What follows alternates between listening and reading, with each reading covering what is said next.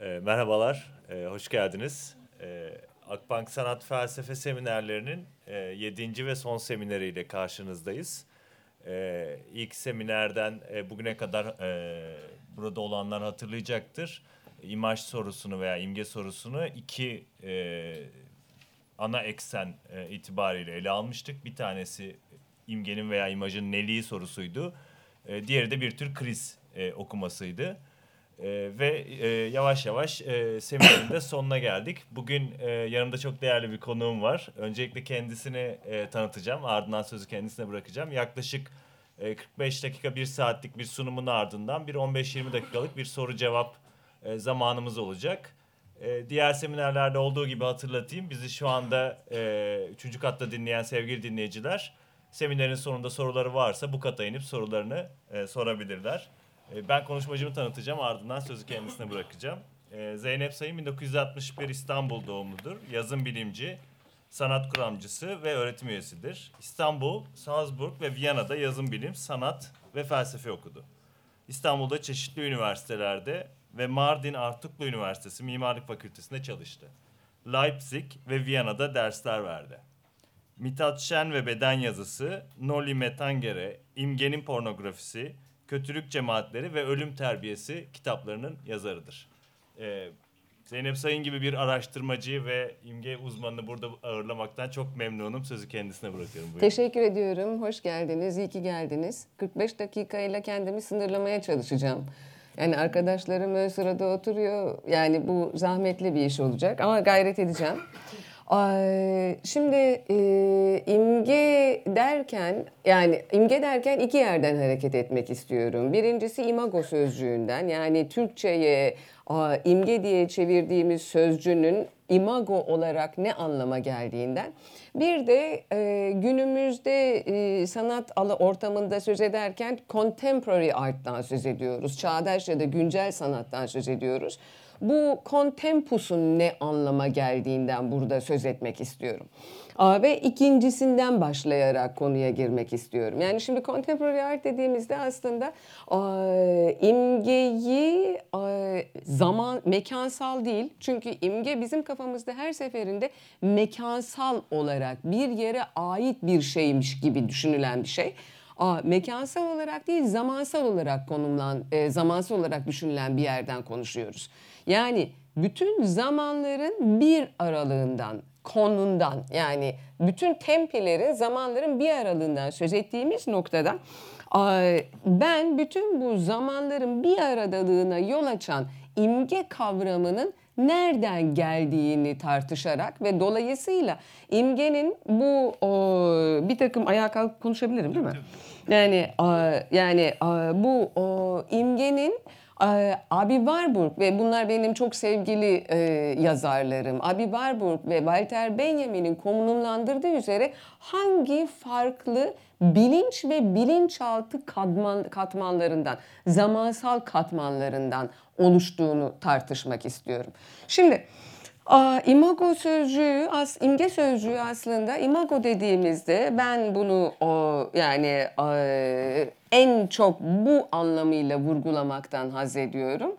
E, şu o, beyefendinin bize bıraktığı bir miras. Bu, bu küçük son derece çözünürlüğü küçük olan bir şey. Şu gördüğünüz beyefendi Romalı bir beyefendi ve elinde iki tane maske tutuyor. Bu maskeler ölü maskeleri. Ve bu ölü maskelerine Romalılar imago diyorlar. Yani dolayısıyla bizim işin aslına bakıyorsanız e, imge diye Türkçe'ye çevirdiğimiz imago, imaj ya da her neyse aslında ölü maskesinden kaynaklanan bir sözcük. Bunlar e, bu ölü maskeleri e, Romalılar atalarından alıyorlar. Yani ilk önce bir şey döküyorlar. Yani ilk önce e, kil, alçı. Ondan sonra bunları e, ondan sonra bunları mermerle ya da bir takım başka şeylerle, bir takım başka malzemelerle bunların negatifini alarak bunları çoğaltıyorlar.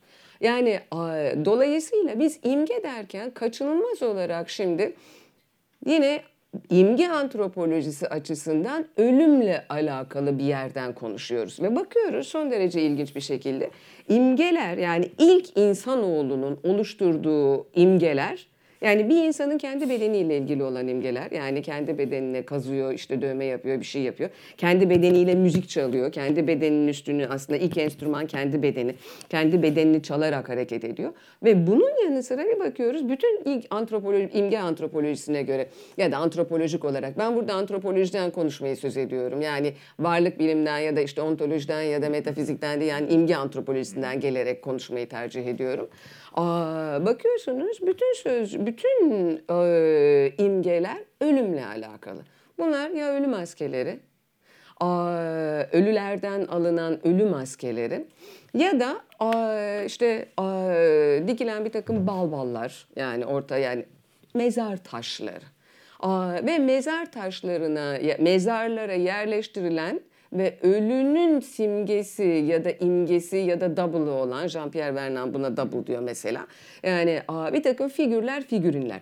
Yani imgelerin bir kere işin aslında buralardan antropolojik olarak neşet ettiğini görüyoruz. Şimdi dolayısıyla yani ben Abi Warburg ve Walter Benjamin'den hareketli imgelerin optik katmanları ve imgelerin görsel bilinçaltı gibi bir şeyden eğer burada söz ediyorsam dolayısıyla aslında bunların en basic olarak en başında altında bu ölümden soluk alan şeyleri kendi en derin çekirdekli çekirdeklerinde barındırdıklarından söz ediyorum. Yani şimdi dolayısıyla burada kaçınılmaz olarak Maurice Blanchot diye bir beyefendinin ismini anmadan geçemeyeceğim. Yani Emre Şanısan'ın yakından tanıdığını düşündüğüm bir beyefendiyi burada anmaktan geçemeyeceğim. Mesela Maurice Blanchot imgeyi tartışırken son derece ilginç bir yerden konuya giriyor ve diyor ki yani a, bence en can, can alıcı yerinde ilginç bir yerden konuya giriyor ve yani a, ve a, sevdiği bir insanın ölme anından söz ediyor. Yani zaten kendi ölme anından ve bir takım başka şeylerden de söz eden ve o, söz eden bir düşünürden, yazardan söz ediyoruz. Ve sevdiği bir insan ölmekteyken ne olur o, diye düşünüyor. İşte ilk önce yani ayaklardan başlayarak, parmaklardan başlayarak kan çekilir. Yani ondan sonra nefes çekilmeye başlar. Yani ve siz bu ölmekte olan insanın henüz daha saçını tutarsınız, başını okşarsınız vesaire, saçını okşarsınız, başını tutarsınız vesaire. Ondan sonra bu insan ölür. Yani şimdi geriye kalan nedir? Geriye kalan bir şey bir cesettir diyor. Yani e peki ceset neye benzer? Şimdi imge dediğimizde kaçınılmaz olarak da demek ki dolayısıyla bir benzeşim sorunsalından söz ediyoruz. Yani e, imge ve halleri diye burada Emre Şansan'la birlikte başlık koyduk. Dolayısıyla imgenin hallerinden bir tanesinin kaçınılmaz olarak benzeşime dayalı bir imge olması gerektiğine şimdi birazdan değineceğim. Aa, ve Maurice Blanchot diyor ki imge diyor aslında diyor neye e, pardon ceset diyor neye benzer aslına bakarsanız diyor. Ceset hiçbir şey benzemez. Ceset ne ölüme benzer ne yaşama benzer, ne ölüye benzer ne yaşayana benzer. Ceset hiçbir şeye benzemeyen, hiçbir orijinali olmayan, kopyası olmayan, mutlak bir benzeşmeyen benzeşimdir diyor. Mutlak bir paradoksal bir şey, mutlak bir benzeşmeyen benzeşimdir diyor. Şimdi bu abi Warburg'dan ve Walter Benjamin'den hareketle ben imgelerin kendi içlerindeki zamansal katlardan söz ederken aslında bu zamansal katlardan en temel zamansal katların en temelinde, en derininde bu mutlak olarak hiçbir şeyle benzeşmeyen benzeşimin de yattığından kaçınılmaz olarak söz ediyorum. Dolayısıyla ya antropolojik olarak bütün imgelerin aslında ilk başta ölümle e, soluk alıyor olmaktan Daha da ileriye gidelim. Aslında insan tarihinde insanoğlu yani istiyorsak Neandertal, istiyorsak e, işte bu Etopya'dan aldığını dağıldığı rivayet edilen Australopithecus afarensis olsun. Bütün insanlığın tarihindeki ilk evlerin bile yani kapısız, penceresiz mezarlar olduğundan söz ediyoruz. Yani şimdi bir kere e, bir kere böyle bir e, imge e, antropolojisi antropolojik olarak bir kere böyle bir şeyimiz. Bir şeyimiz var. Peki benzeşim meselesine gelince imgeler ve hallerine gelince şimdi şu aslına bakıyorsanız bir bir yanıyla evet bir benzeşim. Bu gördüğünüz imago bir yanıyla bir gör baktığımız imago bir yanıyla bir benzeşim. Ama bu baktığımız imago aynı zamanda da bir iz. Yani ölümün izini süren yani bir şeyden söz ediyoruz. Benim eğer pozitifse yani ölmüş olan cesedimin yüzü o zaman bununki yani az önce galiba yanlış söyledim. Yani ama tabii yanlış söylemedim. Benim bu pozitifin böyle negatifini alıyorum ben. Bunun kalıbını alıyorum. Bunun ondan sonra bir tanesini daha alıyorsam negatifin pozitifini almış oluyorum. Bu dolayısıyla işin aslına bakıyorsak sürülen son derece ilginç bir şekilde bir iz. Şimdi iz kavramı, benzeşime birazdan geçeceğim. İz kavramından söz ettiğimiz noktada şöyle ilginç başka bir hikaye daha devreye giriyor. Bunlar da Fayyum portreleri. Bunlar da Kuzey Mısır'da İsa'dan sonra 1. ve 4. yüzyıllarda Roma işgalindeki Kuzey Mısır'dan söz ediyoruz. Yapılmış olan ölü portreleri. Daha doğrusu ölü portreleri değil bunlar. Bunlar insanlar henüz yaşamaktayken o yapılmış olan portreler İsa'dan sonra 1. ve 4. yüzyıldan söz ediyoruz. Yani Bakın hiçbiri bunların 19. yüzyıl falan değil.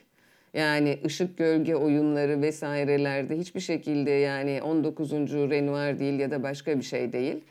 Şunun göz şu o şu da İsa'dan sonra birinci ve dördüncü yüzyıl. Ah, bunlar da bir şekilde aslında şu az önce söylediğim Togatos Barberini gibi Imago'ya, Dr. Gotos Barberini koleksiyonundan yani Togatus Togalı Barberini. Yani Barberini ailesinin Togalı bu kendi atalarının, kendi ölmüşlerinin imagolarını elini tutan, elinde tutan gelenekten geliyor bu.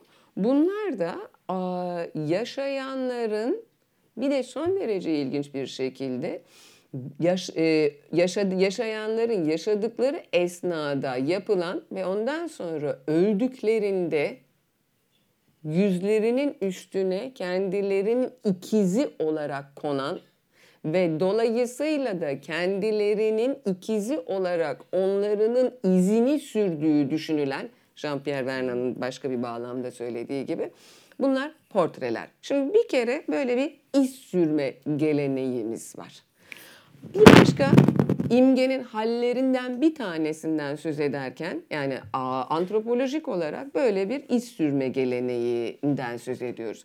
Bir başka bir şeyimiz daha var. Bunu son derece basit aslında Zeuxis ve Parhasias hikayesiyle anlatabiliyoruz. Yani bu hikaye ilginç bir hikaye. Yani aslında benzeşimi tartışan bir hikaye. Yani şu da benzeşimin ne olduğunu tartışıyor ama iz sürme bağlamında başka bir yerden gelerek tartışıyor. Buna vaktim kalırsa bir başka örnek daha, bir başka, başka salyangoz örneği daha, Francesco della Cosa'nın bir salyangoz örneğini de getirmek isterim. Burada ise bir Plinius'un yani 70 yaşlı Plinius'un anlattığı son derece ilginç bir hikayemiz var. İki tane ressam, biri Zeuxis, biri Parhasias. Bunlardan bir tanesi diyor ki ben diyor o kadar diyor güzel ve inandırıcı e, resim yaparım ki benim resmini yaptığım üzümlere gelirler kuşlar konar telgrafın dallarına değil bunlar bu üzümlere konuyorlar.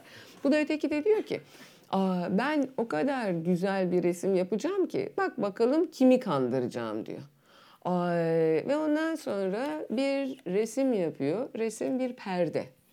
Yani eee, ve bu perdeye ondan sonra geliyor. Bakınız bütün sanat tarihinde dolayısıyla perde yani eee, bu, bu perde değilmiş ayrı mevzu ama yani bu bütün sanat tarihinde perde en önemli leitmotiflerden, izleklerden biri oluyor.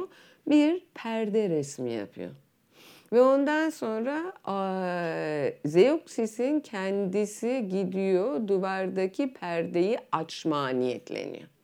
Ve dolayısıyla kendi kanıyor. Şimdi dolayısıyla benzeşmeyen benzeşim, iz sürme. Eğer imgelerin, imgeler ve halleri diye bir şeyden söz ediyorsak ve imgelerin e, hallerinden bir tanesi eğer bir şeyi bir orijinal olarak taklit etme değil, onun izini sürer biçimde mevcuda gelmek ise bir diğer hali imgenin, bu da son derece ilginç bir şey, benzeştiğini iddia etmek. Ki bu benzeştiğini iddia etmek, yani benzeşmeyen benzeşim te- bunun te- ne kadar e, gerçekten en alt katmanındadır, temelindedir. Bu da ayrı bir tartışma konusu.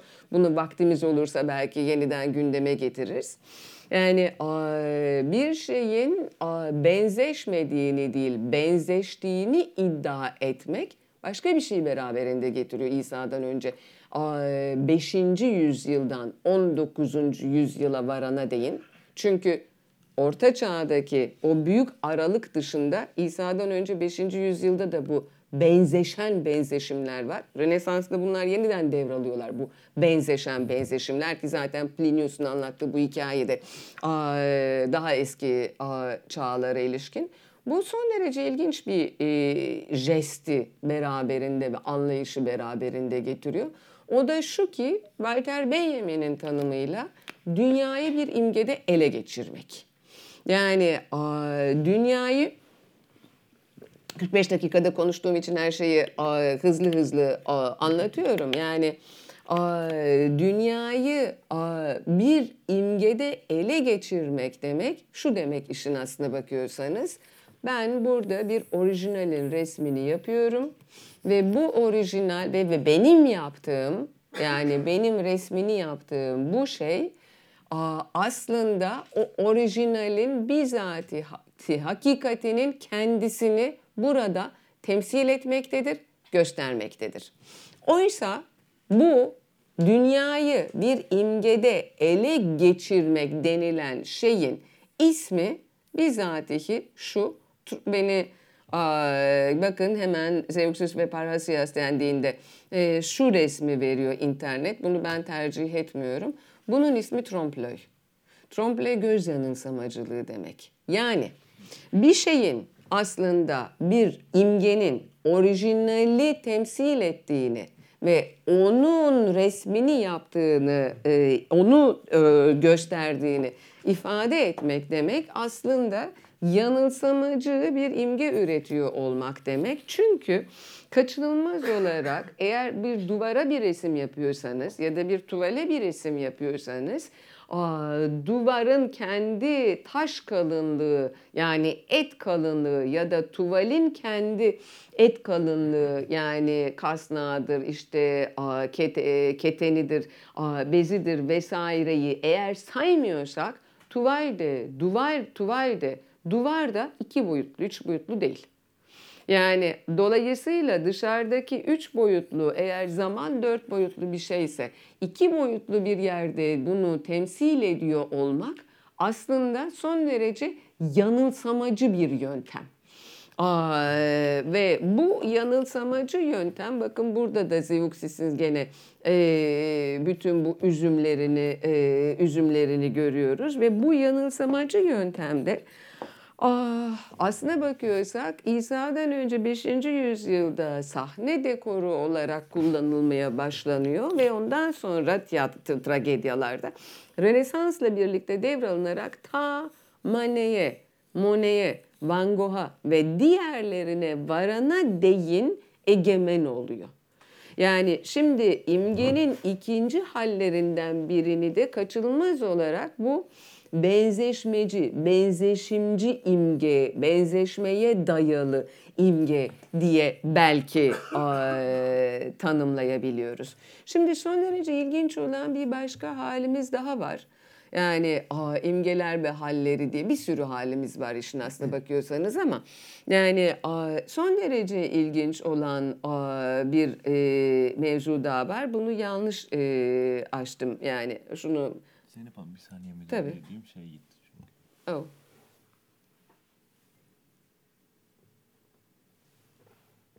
Demek ki kontak problemi var. Ya çıkarıp takayım. Tabii.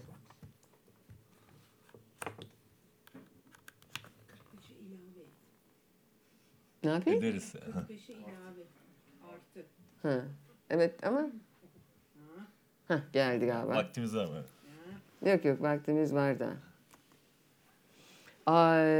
Şimdi son derece ilginç olan başka bir şeyimiz daha var ki. Yani şimdi imge diyoruz. Okey. İmge dediğimizde imaj sözcüğünü, sözcüğünü karşılıyoruz. Ama imaj sözcüğüyle yani imago sözcüğünün karşılığı bunu kullanıyoruz. Fakat yani aslında şimdiye kadar yine de dünyanın daha batılı yerlerinden son derece ışık hızıyla söz ettik. Aa, Fakat şimdi şöyle bir şeyimiz var. Şanshui diye bir şeyimiz var. Ve bu Şanshui ve başka bir takım başka şeylerimiz daha var da en kaba hatlarıyla bazılarını burada açıklamaya çalışıyorum. Aa, Bu Şanshui aslında e, bizim batılı anlamdaki manzara resmine tekabül eden Çin'deki resim. Yani batılı anlamda manzara resmi derken manzara menazır etmek, bakmak, seyretmek. Yani ve aslında yani bütün o, o 19. yüzyıla kadar yapılan yanılsamacı tablolara baktığımızda da iki tu, iki boyutlu tuvallere baktığımızda da gördüğümüz sürekli bir yani Van Gogh'un işte e, Cézanne'ın Merleau-Ponty ve diğerlerinin böyle harikulade bir şekilde kırmadan önceki bütün o tablolara baktığımızda aslında bir evet ben bunu seyrediyorum ve ben bunun üstünde de ben bunu karşıdan seyrediyorum. Frontal olarak ben baktığım istiyorsanız fresko, istiyorsanız seko, istiyorsanız yani fresko ıslak seko kuru yani işte du- duvar resmi olsun, istiyorsanız da tuval olsun ben bunları karşıdan seyrediyorum. Frontal ben buna bakıyorum ve ben o frontali bir baktığım imgeyi bir çerçevesi belli, İçerisi belli, resmin içerisinde ne olduğu belli, imgenin içinde ne olduğu belli, dışında ne olduğu belli. Çerçevesiyle sınırlandırarak bir de hangisini orada bakacağım o o figürlerden, o imgede olan şeylerin hangisi önde, hangisi arkada, hangisi daha yakın, hangisi daha uzak belli. Benim kaçış noktam belli. Bütün bunlar belli bir şekilde ve dolayısıyla da o imge bütününün içindeki imgeyi oluşturan elemanlar arasındaki hiyerarşik ilişki belli.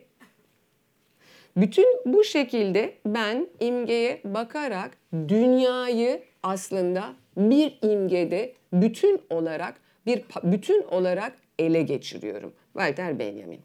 Yani aa, istiyorsak buna portre res- resmi diyelim, istiyorsak buna işte manzara resmi diyelim. Böyle bir benzeşime dayalı fakat aslında yanılsamacı olan imgede ben böyle bir e, harekat ve jest içindeyim. Şimdi bu Shanshui dediğimiz şey başka bir e, yerden soluk alıyor. Aa, bu Jap- e, Çinlilerin manzara aa, resminin Çincesi. Bu da son derece ilginç bir biçimde da su demek. Nerede bu da su? Hah.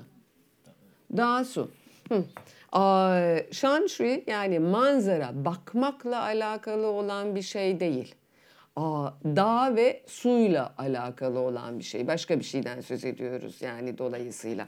Ee, şimdi az önce başka bir şey, az önce az önce Maurice Blanchot örneğini verirken yani galiba bunu söylemedim ama işte bir aşama geliyor ölmekte olan kişi kendi, kendi son nefesini veriyor. Buna mesela Yunanlılar son nefesini vermek demiyorlar İsa'dan önce 5. yüzyıldan bu yana. Son bakışıyla bakmak diyorlar. Yani aslında benzeşimci imge, iş süren imgede de bir bakış meselesi var. Vaktimiz olursa bütün bunları da tartışırız. Fakat benzeşimci imge baktığı şeyi bir hakikat olarak ele geçirmeye yönelik. Burada böyle bir durum yok. Burada bakın son derece ilginç başka bir şey var. Şu mesela şu herhangi bir yani bütün bunları şimdi seçmedim ben. Fakat şuna baktığımızda aslında burada şu görselde şu görselde hiyerarşik bir ast üst ilişkisi görmüyoruz. Bunu son derece basit bir şekilde başka bir karşılaştırmalı az önce ne demek istediğimi ifade etmek için bir bu örnekle birlikte göstermeme izin verin. Bu Rafael'in işte ünlü disputa sahnesi. Bu sahnede bakın şu sahnede bu bir manzara resmi olmamakla beraber yani bu sahnede sahne gelmiyor. Şunu şöyle açalım. Çok çözünürlüğü kötü değil mi? Evet vardır mutlaka. Ee, özür dilerim. Şunun büyüklerini e, getirmeye çalışıyorum. All results. Her neyse çok da takılmayayım. Vakit kaybetmeyelim. Yani e, şurada şunun çözünürlüğü bunu daha iyi değil mi? Şimdi bakın şurada ne dediğimi siyah beyaz e, daha iyi göstermek açısından şurada bütün ilişkiler belli. Yani bütün bir kere hangisinin önde, hangisinin arkada olduğu son derece yakından belli öyle değil mi? Yani bir arka planımız var. Arka planın önünde bir zemin var. Burada bir tiyatro bize sunuluyor. Yani şu figür bakın daha küçük, bu figür daha büyük. Yani benim bakışım direkt buraya yönlendiriliyor. Şu o şuraya yönlendiriliyor. Bu resmin konusu ölümlüler yani çok kaba olarak bunu söylüyorum şimdi. Yani ölümlüler ölümsüzler hakkında tartışıyorlar. Ve bakın burada ölümsüzler var. Yani bu ölümsüzler bu baba yani Tanrı baba teslis üçleme yani bu baba bu oğul bu kutsal ruh. Ve e, bakın bunlar havariler. Bu e, daha önde olduğu için, bize daha yakın olduğu için e, daha büyük görünüyor. Yani bu bizden daha uzak olduğu için daha küçük görünüyor. Burada az önce sözünü ettiğim dünyayı bir imgede ele geçirme ve resmi oluşturan elemanların arasındaki hiyerarşik ilişki derken çok basit olarak bundan söz ediyorum. Burada böyle bir şeyin olmadığını görüyoruz. Yani hangi uzak doğu resmine bakarsak bakalım yani bu istiyorsak Shanshui olsun, istiyorsak Çin'deki portre resimleri, istiyorsak Japonya'daki uzak doğu derken aslında Çin, Tayvan ve Kore ve Japonya'yı kastediyorum. Daha başka yerlere geldiğimizde başka bir coğrafya çünkü bütün bu ayrımların olmadığını görüyoruz ve bütün bu ve ilginç bir şekilde başka bir şey daha görüyoruz. Bakın burada şunlar bir şu dağ, bu o kaya, kayadan ağaç çıkmış. Burada muhtemelen bu su, görüyor musunuz? Şu muhtemelen şu muhtemelen şu gökyüzü. Şu sis muhtemelen. Bu Gene a, yarı sis, yarı gökyüzü a, ve şu su. Şunu söylemeye çalışıyorum. Gökyüzü, sis, su üçü de kağıdın kendi olasılıklarından türüyor. Yani Lao Tse'de, Çin, Lao Tse bir ifade var. Var olan da var olmayanın kullandığı imkanlar vardır. Yani burada bizim bu benzeşim ya da iş sürme hallerinden çok farklı bir kağıdın boşluğundan yani var olan da var olmayan yani kağıdın boşluğundan çıkan en aşağı üç tane burada farklı şey görüyoruz. Ve uzaklık yakınlık aynı öklitçi şemaya göre belirlenmemiş. Hiyerarşi ilişkileri de belirlenmemiş. Şimdi dolayısıyla son derece ilginç olan bir e, şey var. Çinliler buna aa, bu konuda da aslında bakıyorsanız bir sürü başka insanla birlikte her şeyden önce François Julien'in yalancısı olarak konuşuyorum. Yani ay, yani bir zamanlar felsefe felsefe e, Fransa'daki felsefe akademisi mi felsefe Akademisi. de, akademisinin başkanı olan aa, François Julien'in yalancısı olarak burada konuşuyorum ama başkalarının yalancısı olarak da konuşuyorum. Şöyle bir imge e, tanımı yapıyorlar. Qi Xiang diyorlar. Qi Xiang şu demek. Yani e, Qi Reiki, Tai Chi, Qigong'un Qi'si. Yani benzeşimle alakası olmayan, benzeşmemekle alakası olmayan, bambaşka bir yerden bir imge tanımı getiriyorlar ve şunu söylüyorlar. Aslında imgenin benzeşmesi ya da benzeşmemesi değil, imgenin iz sürmesi ya da iz sürmemesi değil. Çünkü iz bile aslında metafizik bir a, koordinat sisteminin içinde yer alan bir kavram. İmgenin canlandırıcı, alusif bir etkiye sahip olması, imgenin eğer imlediği şey neyse, imlediği şey neyse imlediği şeyle aynı duyguyu uyandırması gerekir. Dolayısıyla interaktif bir duygulanımdan söz ediyorlar. Yani ben çay res, çaydanlık resmi mi yapıyorum? Çaydanlık benzedi hakiki bir çaydanlığa değil. Çaydanlıktan, çaydanlıkta çaydanlığı, çaydanlıktan çıkan dumanın bende çaydanlığın dumanı ve çay kokusu izlenimini uyandırıyor olması gerekir. Dolayısıyla imgeyi başka bir yerden tanımlıyoruz. O duyguyu, o izlenimi bende yaratabiliyor mu imge, yaratamıyor mu? Buradan tanımlanan çok temel bir imge hali var. İmge, yani bütün bunları özür dilerim hakikaten 90 dakikada anlatıyorum imgeler ve halleri yani aa, çünkü bunlar aslında çok aa, aa, incelikli mevzular. Bir şeye daha aa, değinmek istiyorum bu o, Qi Xiang'a dair bu hep, hepimiz bütün bu Japon işi, Çin işi hikayelerden şu örnekleri biliriz. Ay, yani ay, adam evine, patron evine, yatak odasına, yatak odasının duvarına Çin'de bir şelale resmi yaptırıyor. Ondan sonra yatak odasından taşınıyor çünkü şelale çok gürültü çıkarıyormuş.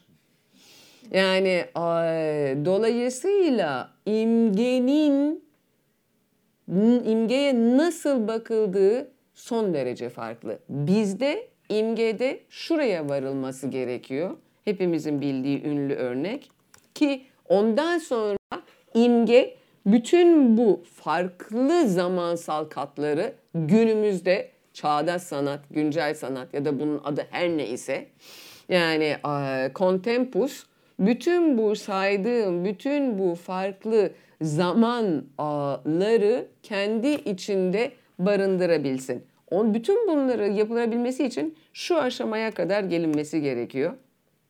Biliyorsunuz bu ünlü, hepiniz biliyorsunuz bu hikayeyi. Yani ama gelmezse bilemeyeceğiz tabii. Bu o Magritte'in ünlü resmi bu bir pipo değildir resmi. Yani bu bir pipo değildir'e varılması gerekiyor. Bu bir pipo değildir. Bu bir pipo resmidir'e varılmasa, varılması biz varamıyoruz. Gerekiyor ki bir takım şeyler değişmeye başlasın. Ve bu bütün değişen şeyler de niye olmuyor anlamadım. Bütün ve bütün bu aslına bakıyorsanız 19. yüzyılda Avrupa'da ve ondan sonra New York'ta işte Paris'te, Berlin'de sonra New York'ta sonra bir aşamada tabii ki merkezler New York'a kayıyor. Paris'ten New York'a terfi ediyor.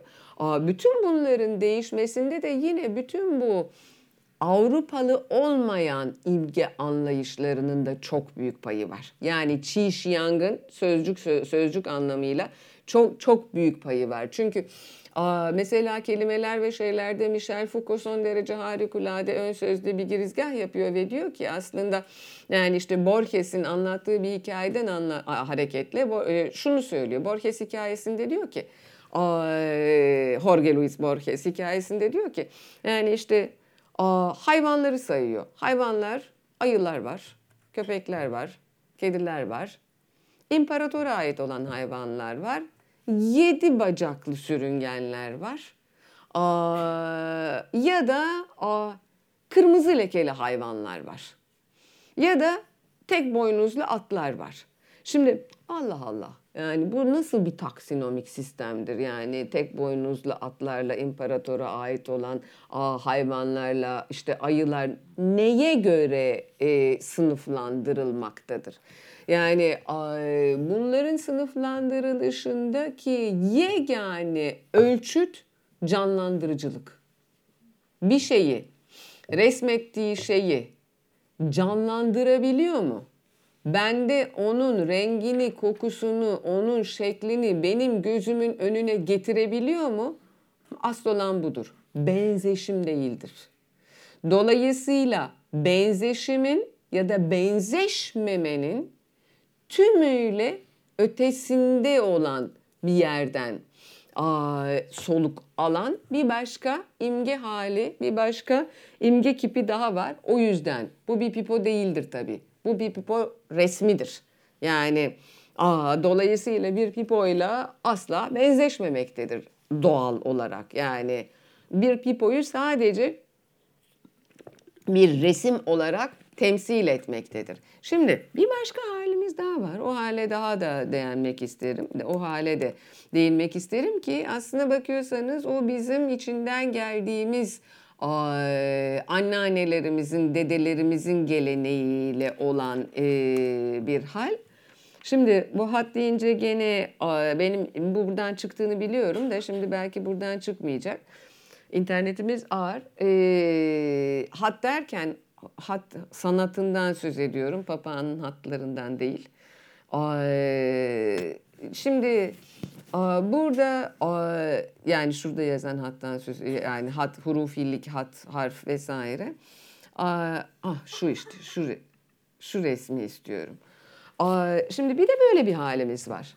Yani aslında yani bu Zeoksis ve Parhasyas'tan bu yana yani işte şeyler, üzümler ve kuşlar, kuşlar üzüme konuyorlar.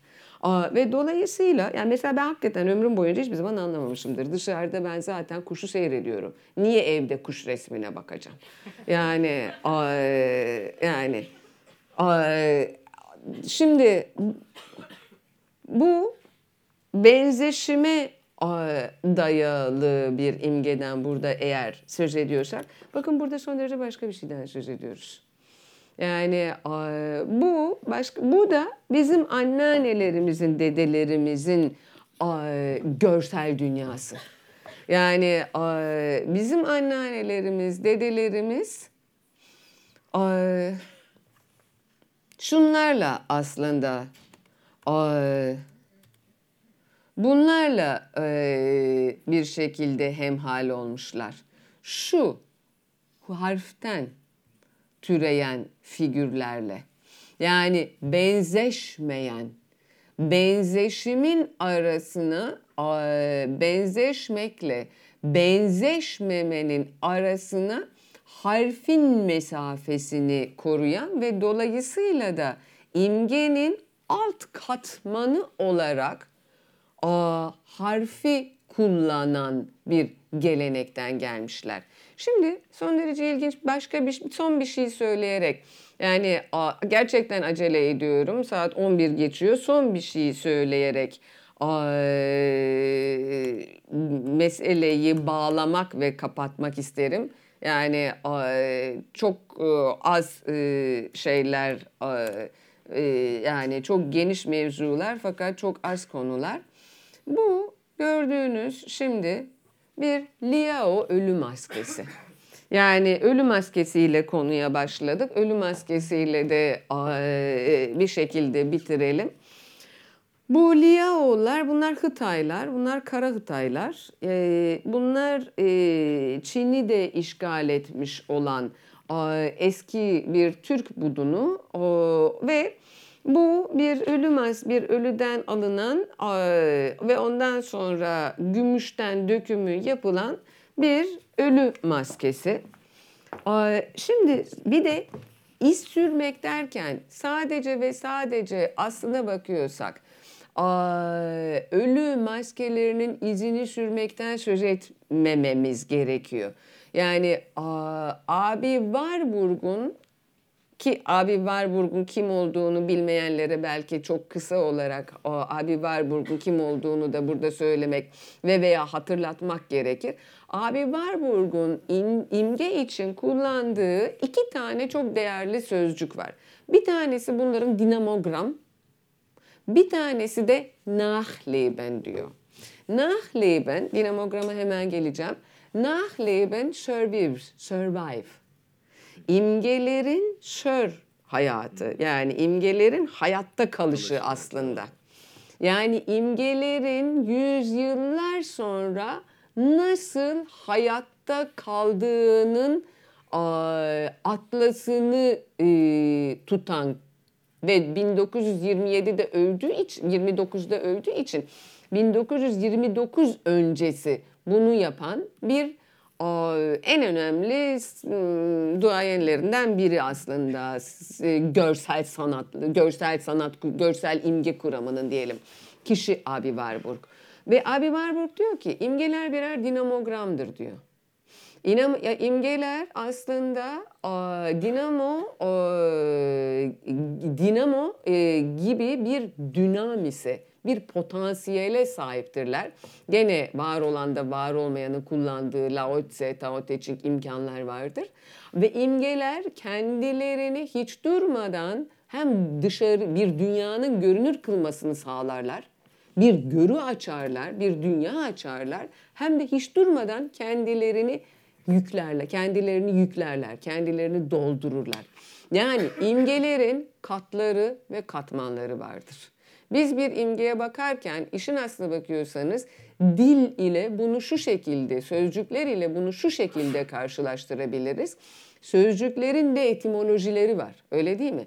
Biz kullandığımız her sözcüğün altından aslında bakıyorsak inanılmayacak kadar yani mesela varlık sözcüğünü kullanıyorum.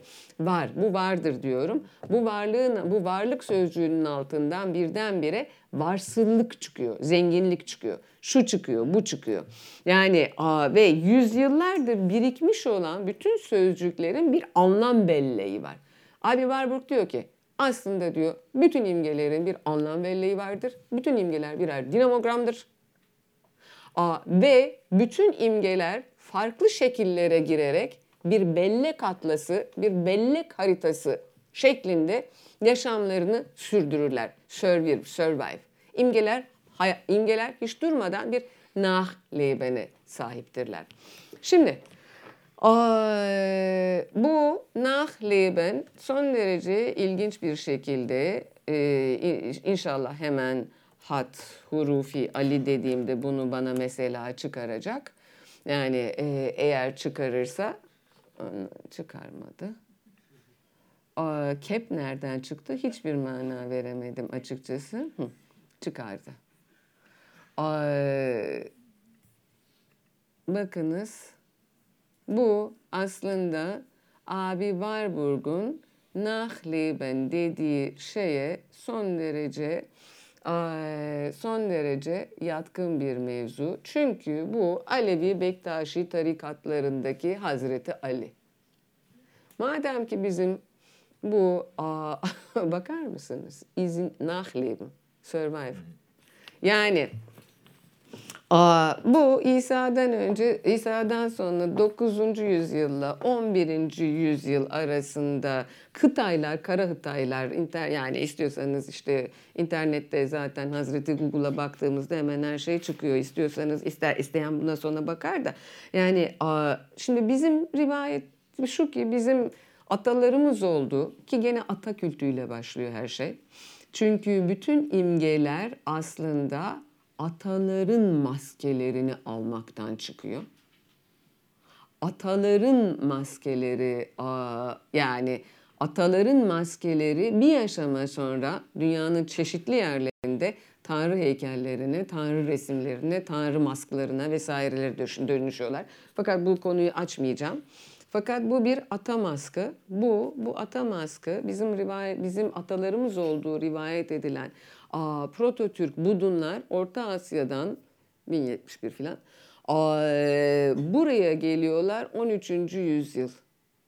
Hurufi Bektaşi Hurufi Bektaşi imgelemine ölü maskesi yani ölünün benzeşmeyen benzeşimi hiçbir şekilde benzeşmesi mutlak olarak mümkün olmayan o benzeşimi 13. yüzyılda geliyor şu benzeşmeyen bir benzeşim alt katmanı olarak o benzeşmeyen benzeşimin survivor, na, survivor'ı, nahlebeni olarak bütün bu tekke, işte zaviye, tarikat, cart, curt, anneannelerimizin, dedelerimizin, bazılarımızın anneannelerinin, dedelerinin görsel belleğine yerleşiyor.